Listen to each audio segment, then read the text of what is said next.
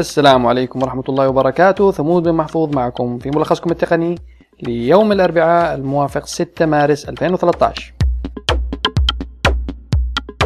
قبل كم يوم أعلن خليج القراصنة أظن هي كانت نكتة يعني خدعوا الإنترنت قالوا إنه الموقع تم نقل الاستضافة الخاصة به إلى كوريا الشمالية.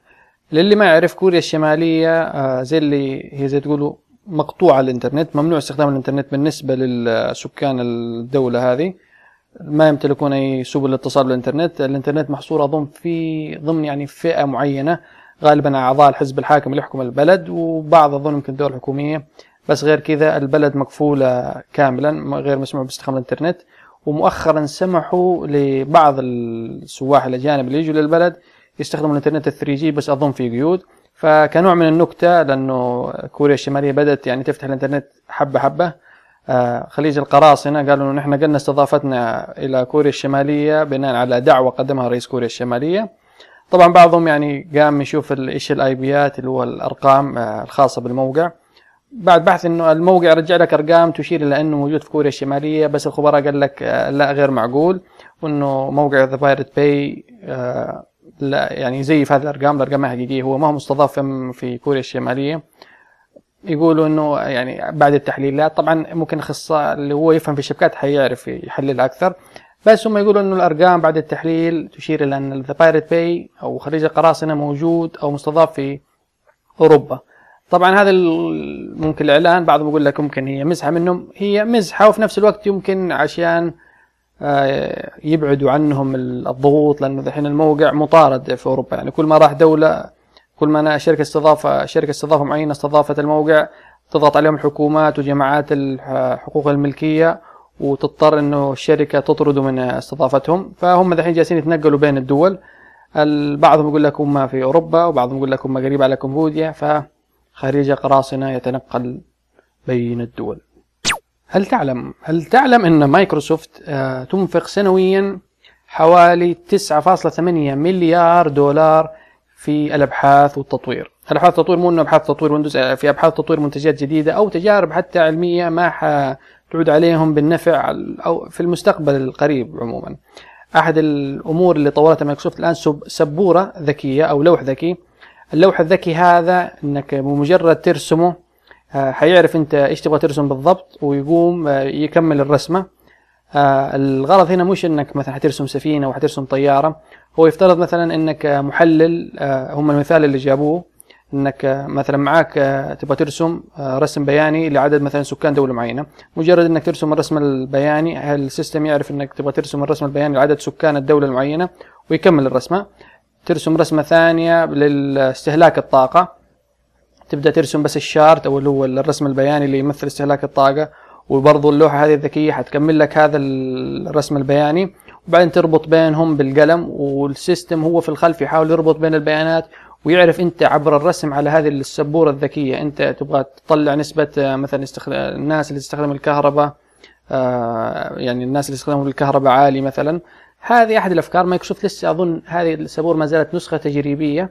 لكن يعني خلال كم سنة ممكن هذه النسخة التجريبية آه حتصير يعني منتج تجاري متوفر في السوق. بس يعني نشوف إنه شركات بكبرها تصرف ميزانيات دول من أجل التطوير والأبحاث. ف يعني ما أدري يعني إذا في أي واحد له علاقة بالحكومة ورئيس دولة يستمع للبودكاست يعني يصرفوا كثير على الأبحاث. يا جماعة خلونا نتطور. أندرويد آه نحن عارفين إنه أندرويد الآن يعني أصبح النظام التشغيل اللي مستحوذ على أكبر نسبة في سوق الهواتف الذكية.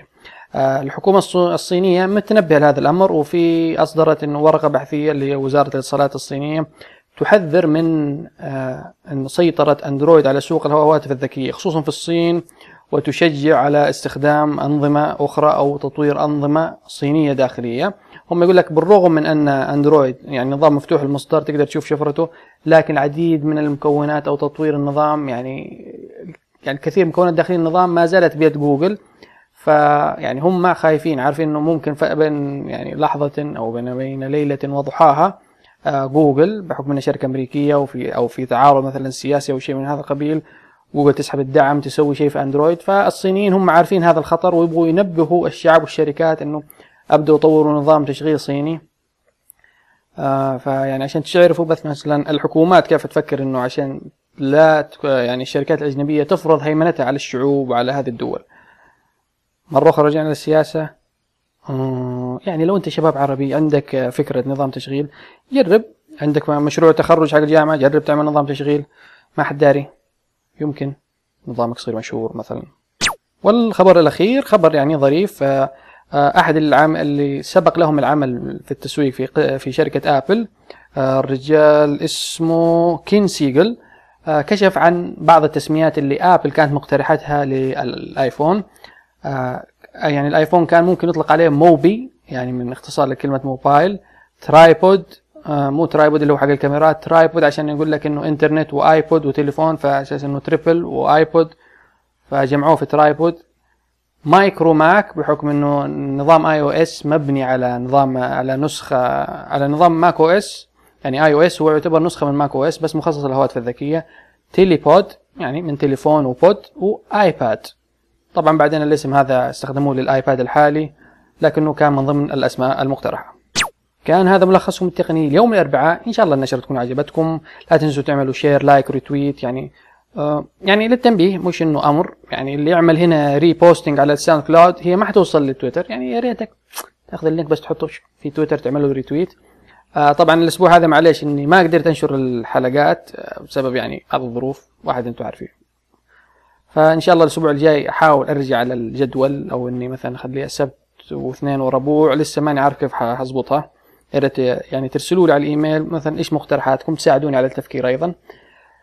تابعونا هنا على SoundCloud dot com slash ثمود في ال iTunes ابحث عن الملخص التقني وأعمل subscribe على القناة اعمل لها review كلم أصحابك أي حد له اهتمام بالتقنيه عن ال... عن البودكاست في حالة عجبك وتابعوني ممكن تتابعوني على تويتر @ثمود. برضو يعني من فترة فتره الحين صرنا نكتب في رجع نكتب في Tedoz Tedoz dot com مدونه تقنية. والآن ما أدري إيش حتصير. فشاكر لكم باستماعكم والسلام عليكم ورحمة الله.